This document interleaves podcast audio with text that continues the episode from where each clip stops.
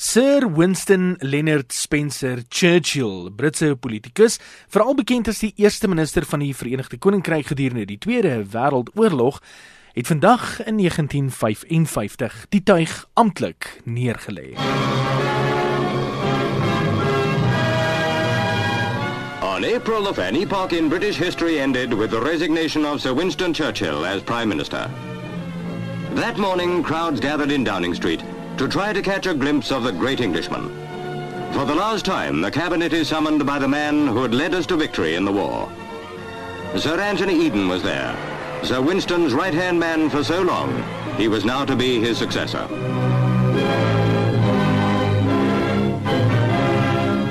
Colleagues he had inspired in office came to take their farewells. Some had not been born when he first entered Parliament. Many were in swaddling clothes when he first became a cabinet minister. The crowd watches the ministers leave, sad-faced at the parting.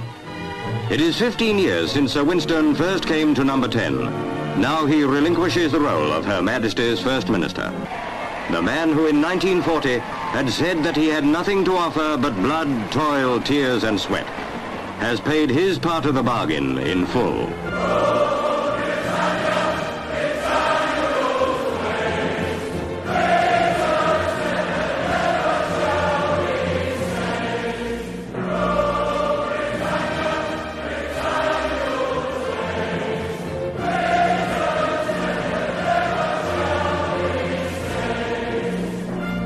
Die wêreld sal veral vir Winston Churchill onthou vir daai bekende Tweede Wêreldoorlog toespraak van hom. Sir, I have myself full confidence that if all do their duty, if nothing is neglected, and if the best arrangements are made, as they are being made, we shall prove ourselves once more able to defend our island home, to ride out the storm of war, and to outlive the menace of tyranny if necessary for years, if necessary alone.